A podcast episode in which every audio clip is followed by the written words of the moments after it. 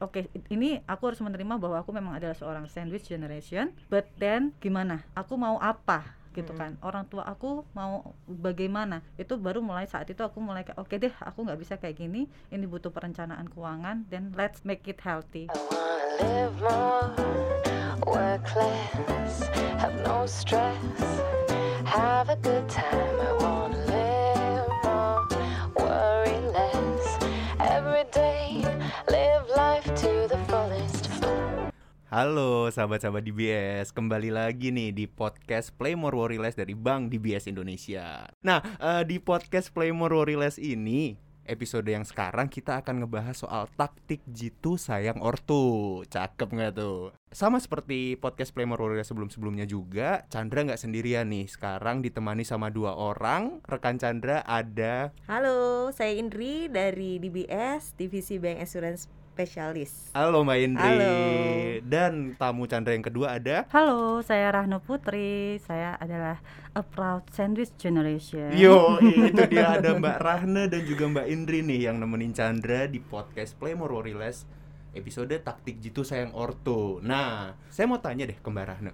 Mm-mm. Mbak Rahna, inget gak sih dulu pas pertama kali dapet gaji nih sebagai orang yang akhirnya, wah saya terima uang atas hasil kerja keras saya Mm-mm, sendiri. Ingat gak dulu dipakai buat apa? Ingat banget karena jujur itu adalah satu momen yang memang aku tunggu-tunggu dari kuliah. Terus pas gaji pertama itu aku memang pengen membahagiakan orang tuaku ya. Maksudnya eh, itu adalah cita-cita aku Mm-mm. dan sampai sekarang juga masih tetap menjadi cita-cita adalah membahagiakan mereka. Jadi aku merasa itu adalah saat titik pertama aku bisa memberikan mereka gitu Iya, seperti itu. Jadi udah deh waktu itu masih gaji awal sih ya gaji gajinya UMR ya. Jadi ada tuh sebagian besar tuh aku kasih ke orang tua aku semua, ke ibuku lebih tepatnya. Kalau Mbak Indri gimana Mbak Indri? Kalau aku eh, gaji pertama sih emang nggak besar lah ya pasti ya, secara fresh grad- graduate kan. Betul. Nah itu aku juga ya gaji pertama kan gaji yang ditunggu kan. Heeh. Itu tuh plannya tuh udah kayak mateng gitu loh. Maksudnya eh, dengan gaji segini aku mau kasih sekian. Heeh. Terus untuk apa lagi kan itu udah diplot-plot gitu loh. Jadi memang untuk gaji pertama sebagian tuh ada diberikan ke orang tua. Apalagi juga ini sih aku eh, mungkin sedikit cerita flashback dikit. Boleh? Jadi aku sepanjang pas hidup gitu eh, SD, SMP, SMA itu keluarga aku tergolong yang turbulensi ekonomi lumayan naik turun sih mbak. Jadi aku Oke. pernah tuh yang ngerasain sing berkecukupan banget Mhm. tapi sempat juga ngalamin yang namanya eh, nggak punya apa-apa gitu. Jadi ini bagiku tuh sangat berharga banget duit yang aku punya ini kayak kesedihan mama, papaku waktu itu nih Iya. aku aku akan menggantikan ini semua gitu Iya, rasanya. Jadi aku proud banget waktu Hmm. itu.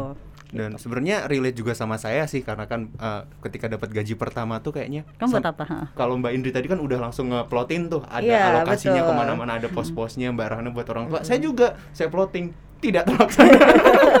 belum belum belum. belum. Tapi makin ke sini makin aware juga gitu loh kan. Sem- Iya. Iya. Eh, Boleh berencana tapi hasrat menentukan ya. Betul, setuju sekali realita berbicara lebih. nah, kalau menurut pandangan Mbak lagi nih, sebagai seorang anak kan kita itu sebenarnya ingin selalu membahagiakan orang tua. Cuman nih, bagaimana sih caranya untuk melakukan itu? Paling enggak untuk porsi porsinya seberapa bagi kita yang sekarang bisa membahagiakan orang tua?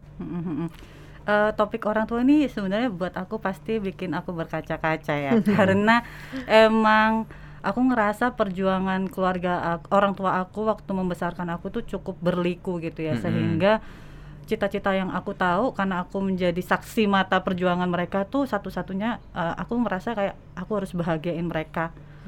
Ap- gimana pun caranya. Bahkan aku bahkan nggak tahu caranya tuh ada apa aja. Aku nggak tahu tapi aku merasa apa pun caranya aku pengen bahagiakan Aku mereka usahakan gitu aku ya. usahakan Mm-mm. ketika aku punya eh, yaitu uang atau aku punya dapat kerjaan dan lain-lain dan aku tuh jadi membuat asumsi sendiri sih di kepala Ah. aku waktu itu kayak karena aku pernah melihat mereka susah jadi jalan singkatnya aku tahu caranya adalah caranya ya nggak melihat mereka kesusahan dan itu cara Hmm. tersingkat aku adalah oh ya mereka harus punya uang Iya. harus punya tabungan gitu Mm-mm. orang tua aku mungkin sedikit aku bisa cerita orang tua aku tuh sebenarnya arsitek ya Oke. mereka arsitek tapi mereka tidak pernah membangun rumahnya sendiri jadi hingga Hmm. sekarang itu mereka belum punya rumah sendiri Oke. dan aku tuh ngerasa itu adalah cara aku membahagiakan mereka Hmm, dengan mereka punya oke. rumah jadi aku tuh menabung ya begitu punya duit tadi ya gaji pertama gaji kedua aku tuh ngerasa oh ibuku ibuku harus punya rumah ibuku harus punya rumah Tujuannya itu ya. Tujuan aku Objektifnya ke gitu. ya, Objektifnya aku langsung ke situ karena aku Iya. ngerasa itu adalah cara mereka bahagia gitu. Tapi ternyata eh, aku nggak pernah ngomongin niatku itu sih ke orang tua aku gitu. Jadi Oke. aku tuh yang nge- semua kerjaan aku ambil mbak waktu itu mbak waktu itu kayak oh nah, nah ada tuh tujuan tercapai ya Oh, gitu pokoknya ya. kayak pokoknya aku punya banyak uang, maksudnya aku mengumpulkan banyak uang terus nanti waduh semuanya buat orang tua aku, semua Oke. untuk aku. Kalau Mbak Indri sendiri gimana Mbak memandangnya sebagai seorang anak nih kan selalu ingin membahagiakan orang tua gitu. Ya. Kalau menurut Mbak Indri? Sebenarnya nggak melulu dari sisi, sisi materi ya.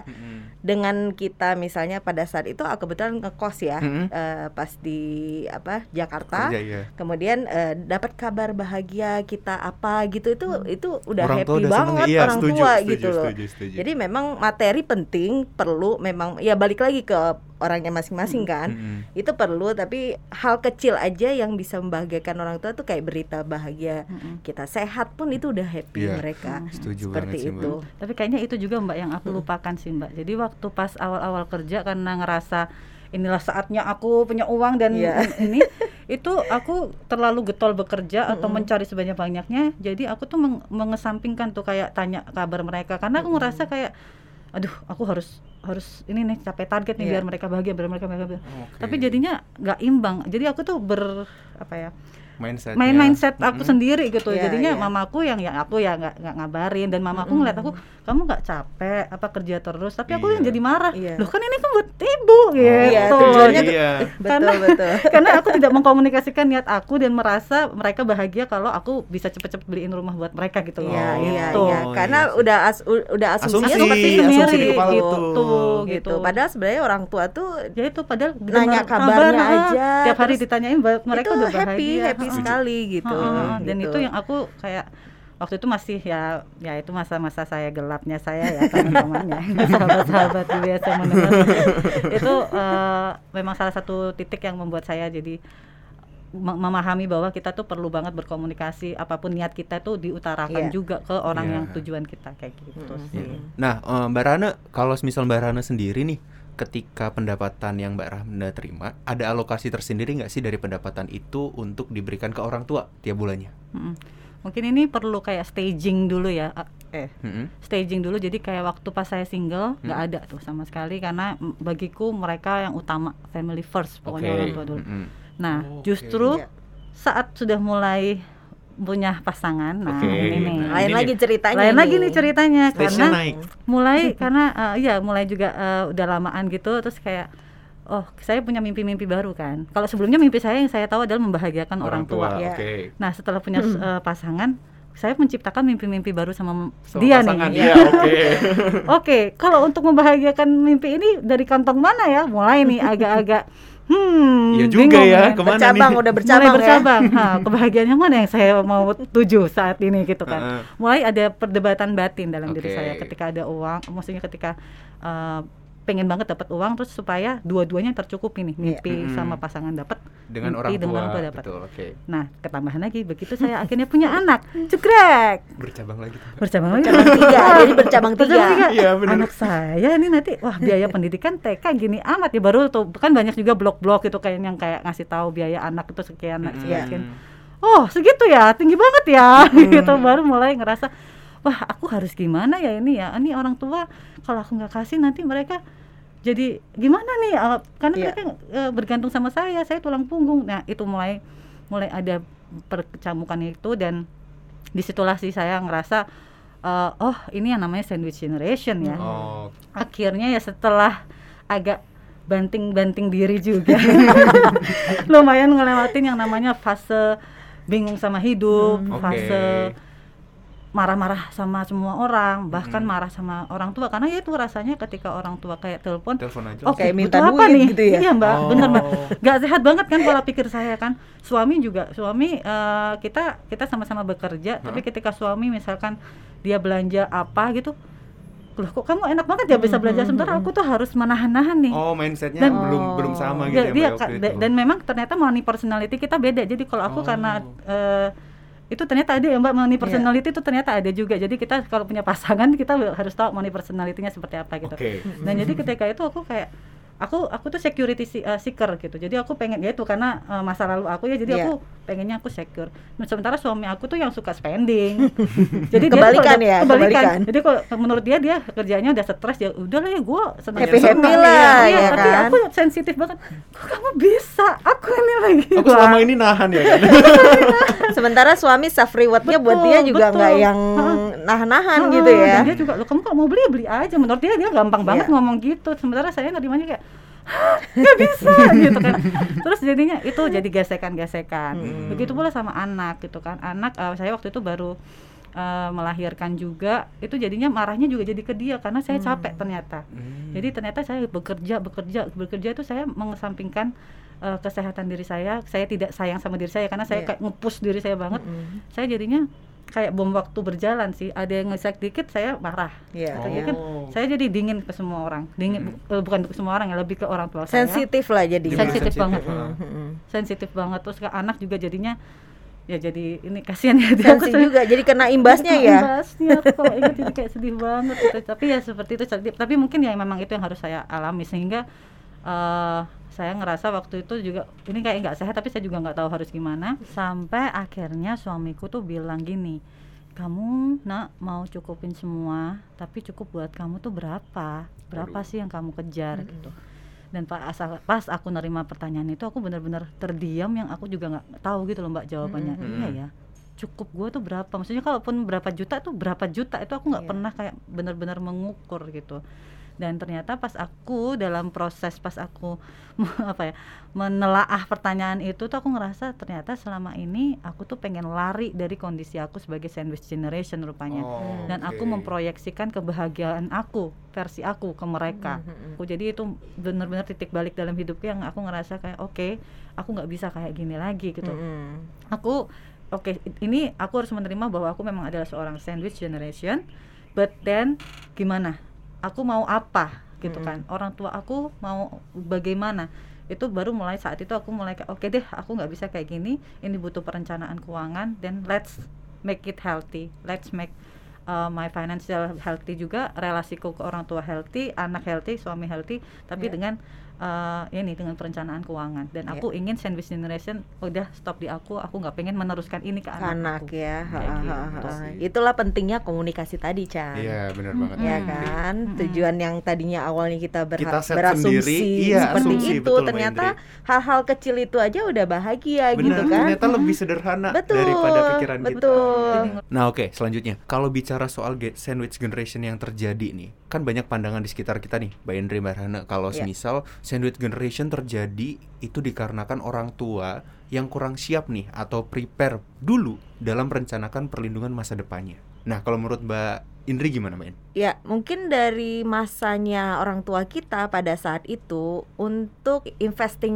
dana yang dia punya Hmm. itu ya edukasinya masih kurang Oh gitu. iya. Dan informasi yang didapat tuh juga tidak seperti sekarang kan. Iya sekarang banyak Ya, banget sekarang ini kita dapet. punya dana pengennya alokasinya ke mana nih, diinvesting Hmm. ke mana nih gitu kan. banyak pilihan juga Betul. saat ini ya Mbak. Tetapi pada saat orang tua kita itu mereka kan taunya mungkin hanya menabung, beli rumah misalnya kan, Iya. ataupun deposito gitu tuh. Hmm. Biaya-biaya yang ter- tak terduga itu kan pasti ada ya. Nah, ya setuju. kan? Nah, Ah. itu itu sekarang betapa pentingnya kita harus memiliki proteksi seperti asuransi, Oke. ya kan? Nah, itu biaya-biaya yang tak terduga itu bisa mengcover eh, dengan adanya asuransi Benar. seperti itu. kejadian yang ada-ada saja ini ya Betul, yang harus betul. Karena kalau kita pun punya uang di tabungan, artinya dengan dengan adanya kejadian-kejadian yang eh, biaya yang tak terduga itu, otomatis itu kalau kita tidak punya asuransi, itu akan menggerus semua tabungan kita yang ada, Mm-mm. gitu. Artinya dana utama kita yang kita udah persiapkan untuk jangka panjang buat si anak itu akan Kepakai juga. terguna, eh, terpakai gitu loh. setuju Seperti itu. betul, betul, betul banget. Itu sih. Karena kan sering kali bener tadi kata Mbak Indri banyak kejadian tak terduga yang akhirnya terjadi dan uang yang tadinya kita plan buat ini jadinya harus terpakai pos-pos yang tadinya kita Betul. siapin gitu kan. Nah kalau menurut Mbak Rahna nih gimana sih untuk menghindari hal-hal tersebut menurut Mbak Rahna?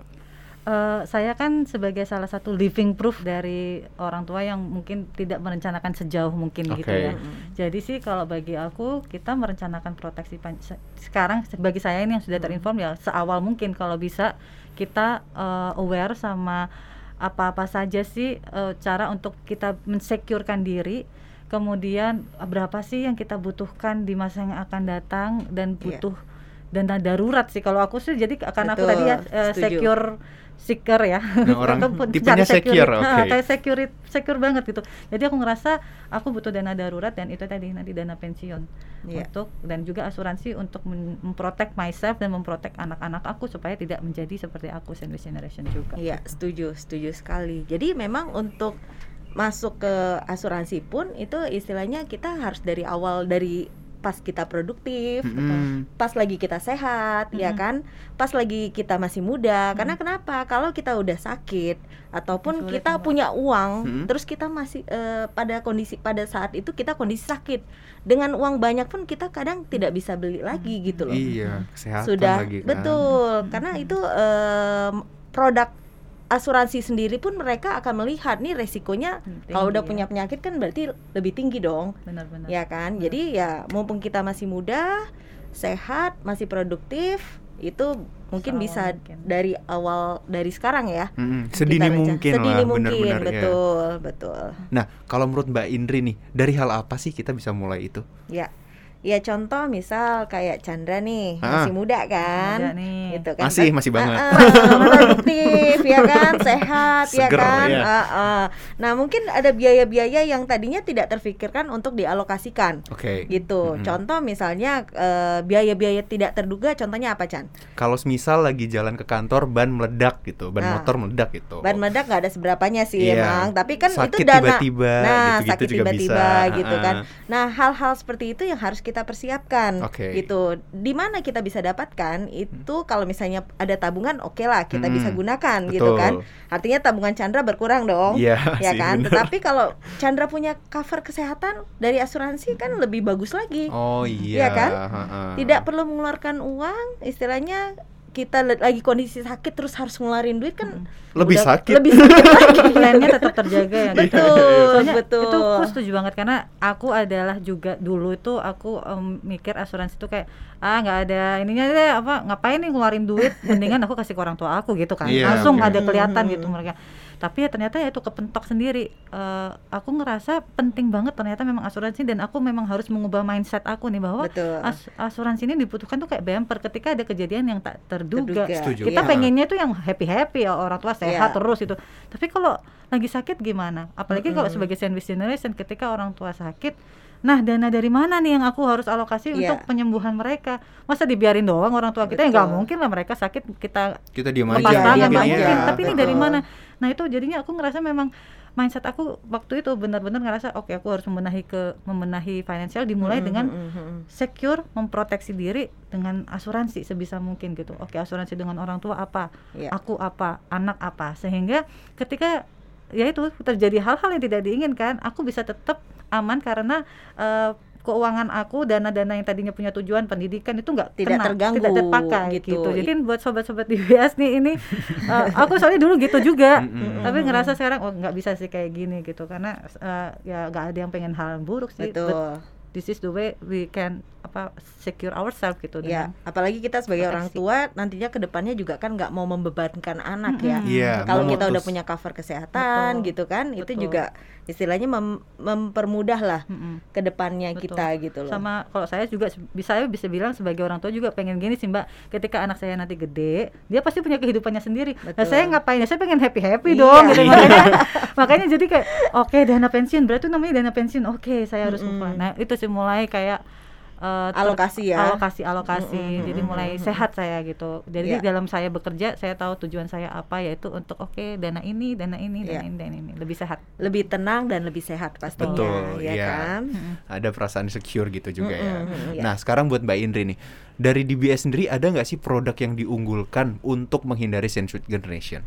Ada, kita punya beberapa Hmm. produk unggulan. Oke. Tetapi kalau mungkin untuk sekarang ini aku lebih fokus ke ada satu nama produk kita itu Mid Tracer Ultimate Protection. Oke. Produk ini unggul sekali di kita kenapa? Karena yang pertama mungkin mengenai manfaat investasinya ya. Mm-mm. Di produk ini, ini merupakan produk unit link, eh, sobat-sobat DBS. Tetapi yang namanya unit link itu biasanya ada yang namanya biaya akuisisi, Mm-mm. gitu.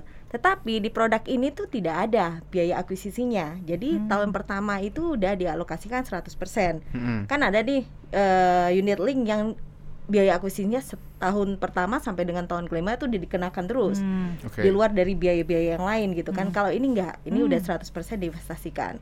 Yang kedua ditambah lagi dengan bonus loyalitas. Oke, apa itu mbak? Nah, per kelipatan tiga tahun Mhm. itu akan diberikan bonus loyalitas sebesar satu persen dari nilai polis 1%, gitu. oke. Dimulai dari tahun eh, akhir tahun ke-6 Mm-mm. gitu. Jadi per Hmm. kelipatan tiga tahun itu akan diberikan ditambahkan Hmm. lagi satu persen satu persen dari nilai polis yang terbentuk Hmm. gitu. Plus juga di tahun pembayaran ke-8 itu juga ditambahkan lagi 2% dari premi tahunannya Hmm. gitu. Dia pembay eh, misalnya ada yang bay eh, nasabah nih ada yang mau bayar nih 8 eh, tahun ke-8 dan seterusnya itu dimulai dari tahun ke-8 itu ditambahkan lagi 2% dari Hmm. premi tahunannya. Menarik. Jadi Gitu. secara tidak langsung sebenarnya nambah ini kita Nambah ya kan ya, Mbak? gitu. Eh, Oke. terus juga ini sifatnya fleksibel ya. Mm. Jadi customer yang mungkin mau ikut ini bisa memilih fund-fund. Jadi kita punya beberapa fund di Oke. produk ini. Ah, Itu bisa eh, masuk ke beberapa fund itu. Misalnya pilih mau mau fund apa nih? Equity kah atau apakah? Oke. Itu itu Hmm. bisa. Dan free switching. Free Gimana tuh? switching itu jadi misalnya kita di awal masuk fund equity Oke. misal gitu ya. Kemudian nanti kira- kira-kira eh ini kayaknya harganya turun nih. Misalnya switch dulu misalnya ke money market Oh bisa. gitu itu bisa Oke. bisa dan itu free setahun empat kali gitu lewat dari itu sekali switchingnya kena 50.000 ribu memang Hmm, oke. gitu itu untuk yang invest mengenai investasinya Tapi ya kita jadi punya pilihan kan ya betul Mbak? Pilihannya betul banyak, benar banget. Nah, betul Jadi nggak yang pasrah ngikutin tapi kita punya kendali nih Iya gitu ya. betul. Jadi jadi kita nggak diamin juga gitu loh, Hmm. ya kan? Bisa bisa di di di switch ke fund-fund yang mungkin menurut customer itu lebih in- eh, menarik ya, Oke. gitu. Oke. Itu dari sisi investasi. Oke. Kalau untuk dari sisi eh, perlindungan finansial dari resiko yang biaya-biaya tak terduga, Terduga, tadi, nah, itu dia ada yang namanya uang pertanggungan. Mhm. Mm-mm. Uang pertanggungannya itu sampai dengan 20 kali Oh, dari premi Oke. gitu. Itu satu. Yang kedua, dia ada pengganti penghasilan. Hmm. Pengganti pe- pengganti penghasilan ini kalau terjadi resiko eh, mohon maaf tutup usia Oke. ataupun cacat tetap total. Mm-mm. Itu akan dibayarkan proret lah Hmm. tiap bulan dalam 12 bulan. Itu akan diberikan juga. Nah, selain itu juga ada yang namanya waiver of premium. Oke. Eh, waiver of premium itu adalah pembebasan premi apabila terkena salah satu dari 49 penyakit kritis Hmm. gitu. Jadi si customernya itu nggak usah bayar lagi nih. Hmm. Asuransinya yang akan bayarkan Manulife Oke, oke. Waduh. gitu. Menarik. Seperti itu. Ha-ha. Menarik banget sih Mbak. Kan kita juga tadi ya pengennya sehat gitu. Mm-mm. Tapi kalau terjadi apa-apa misalkan kalau kita nggak bisa kerja, nah itu kan jadi gimana nih bayarnya Iya, kan nah itu betul, penting banget betul. gitu karena eh, pas lagi tidak berpenghasilan Tidak. kita tetap di Harus bayar, Harus bayar. gitu Ah, kan. Tapi ini di, Tapi kalau kan untuk di produk ini enggak, ini udah paket Di- gitu. paket Jadi ya, kalau oke, misalnya bagus pun terjadi resiko itu artinya dibebaskan bayar premi, Manulife yang akan bayarkan Hmm, gitu. hmm, Jadi hmm, tidak hmm. membebankan lagi si Pembayar. pembayarnya. Itu bagus banget sih Mbak eh, yang soal proteksi tadi. Soalnya ada nih mungkin skenario yang saya juga baru kepikiran. Misalkan kalau misalkan amit-amit kalau saya mati, oke lah udah uang pertanggungan keluar. Tapi Iya. misalkan kalau saya kenapa-napa tidak meninggal tapi saya lumpuh misalkan nah ini bayarnya gimana nah itu kayaknya bagus banget ya mbak Iya. jadi diproteksi ya Betul. untuk Jadi eh, itu udah paket. Jadi memang eh, untuk produk ini sendiri eh, waiver of premium itu memang kalau misalnya terkena penyakit kritis tadi, Mm-mm. ya kan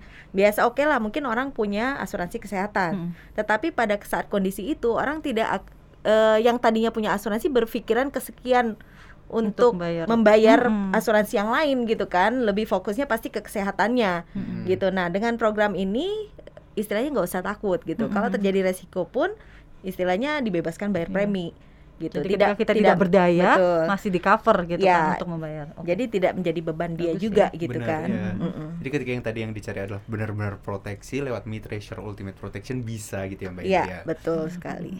Oke, nah itu tadi dia sobat-sobat DBS kita udah ngomong banyak tadi soal sandwich generation, kemudian proteksi yang perlu dipersiapkan sedari dini, kemudian juga uh, kesalahannya atau bukan berfokus di kurang siapnya orang tua merencanakan masa depan tapi emang kondisinya aja yang berbeda Hmm, iya. dan kita yang sekarang kondisinya hidup di zaman sekarang dengan banyak pressure secara sosial media ya Mbak Indri Iya. Mbak Rana gitu betul kita punya kuasa buat ngemutus sandwich generation itu iya ya Nah, jadi itu tadi eh, topik kita di episode 10 ini soal taktik jitu sayang ortu. Terima kasih Mbak Indri atas waktunya. Thank Terima you, kasih Mbak Rana. Sama senang ngobrol-ngobrol Iya, sampai Nggak jumpa terasa ya. Sampai jumpa lagi ya sobat-sobat DBS di podcast Play More Worry Less Bank DBS Indonesia episode selanjutnya. Terima kasih. Dadah. Bye.